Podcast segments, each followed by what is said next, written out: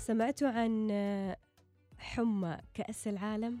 ما أعرف إذا ما سمعتوا عنها خلوني أخبركم مستمعينا عن حمى كأس العالم ومع وصول بطولة كأس العالم إلى نهايتها وقرب تتويج الفائز يقول لك حذر خبراء ومختصون من الإصابة بحمى ما بعد الكأس حيث يجد العديد من عشاق كرة القدم المتحمسين أنفسهم يكافحون الاكتئاب الشديد بعد متابعتهم مباريات كأس العالم لمدة شهر.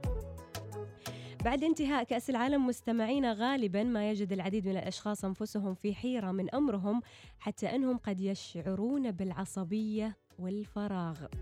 ويحذر الخبراء أن الحزن والكسل كلها علامات مؤكدة على حمى ما بعد الكأس إذا يص... إذ يصل البعض آه، إلى تجنب العمل أو التهرب من القيام بأي شيء والرغبة في قضاء الوقت في المنزل وتجنب الناس.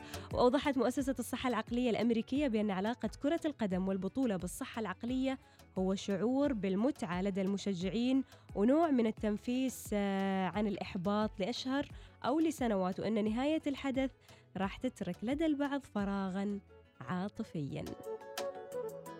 طيب كيف ممكن تتعامل آه، لما بعد كأس العالم؟ يقول لك آه، طبعا المختصون قدموا العديد من النصائح عشان تتجنبوا هذه الحمى ومن بينها الابتعاد عن العزلة والتحدث مع الأصدقاء اللي يشاركونك نفس الشغف بكرة القدم.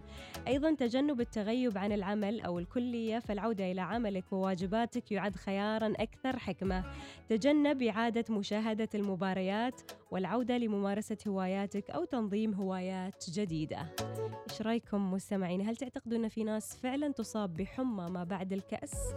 أنا أعتقد أن في ناس وخصوصا المهوسين بكرة القدم لأن يعني فعلا شهر كامل أنت تشوف مباريات وفي جو المباريات خلاص أن عقلك تعود على هذه الفعاليات والمباريات وغيرها وبعد شهر بعد ما يطوف هذا الشهر وخلاص تخلص هذا الفعالية وتخلص المباراة تحس نفسك خلاص لا خلوها ترجع مرة ثانية. يا رب ترجع مرة ثانية.